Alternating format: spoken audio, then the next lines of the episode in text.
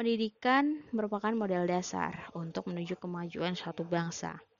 Banyak negara yang memberikan perhatian besar terhadap pendidikan warganya, sehingga mereka berhasil menjadi negara maju. Walaupun demikian, sebagian negara masih tertinggal dalam hal pendidikan. Penyebabnya antara lain karena masalah ekonomi dan kurangnya kesadaran akan kepentingan pendidikan. Dalam perkembangan banyak negara menjadi semakin memperhatikan pendidikan. Interaksi antara wilayah desa, kota, membuat masyarakat desa semakin menyadari bahwa pentingnya pendidikan. Di banyak negara, akses terhadap pendidikan jadi semakin baik karena negara berupaya memberikan fasilitas pendidikan sampai ke desa. Banyak penduduk desa yang melanjutkan pendidikannya ke kota. Dalam lingkup negara, salah satu kerjasama hubungan antar negara adalah dalam bidang pendidikan. Banyak negara berkembang mengirim pelajar dan mahasiswa ke negara-negara maju.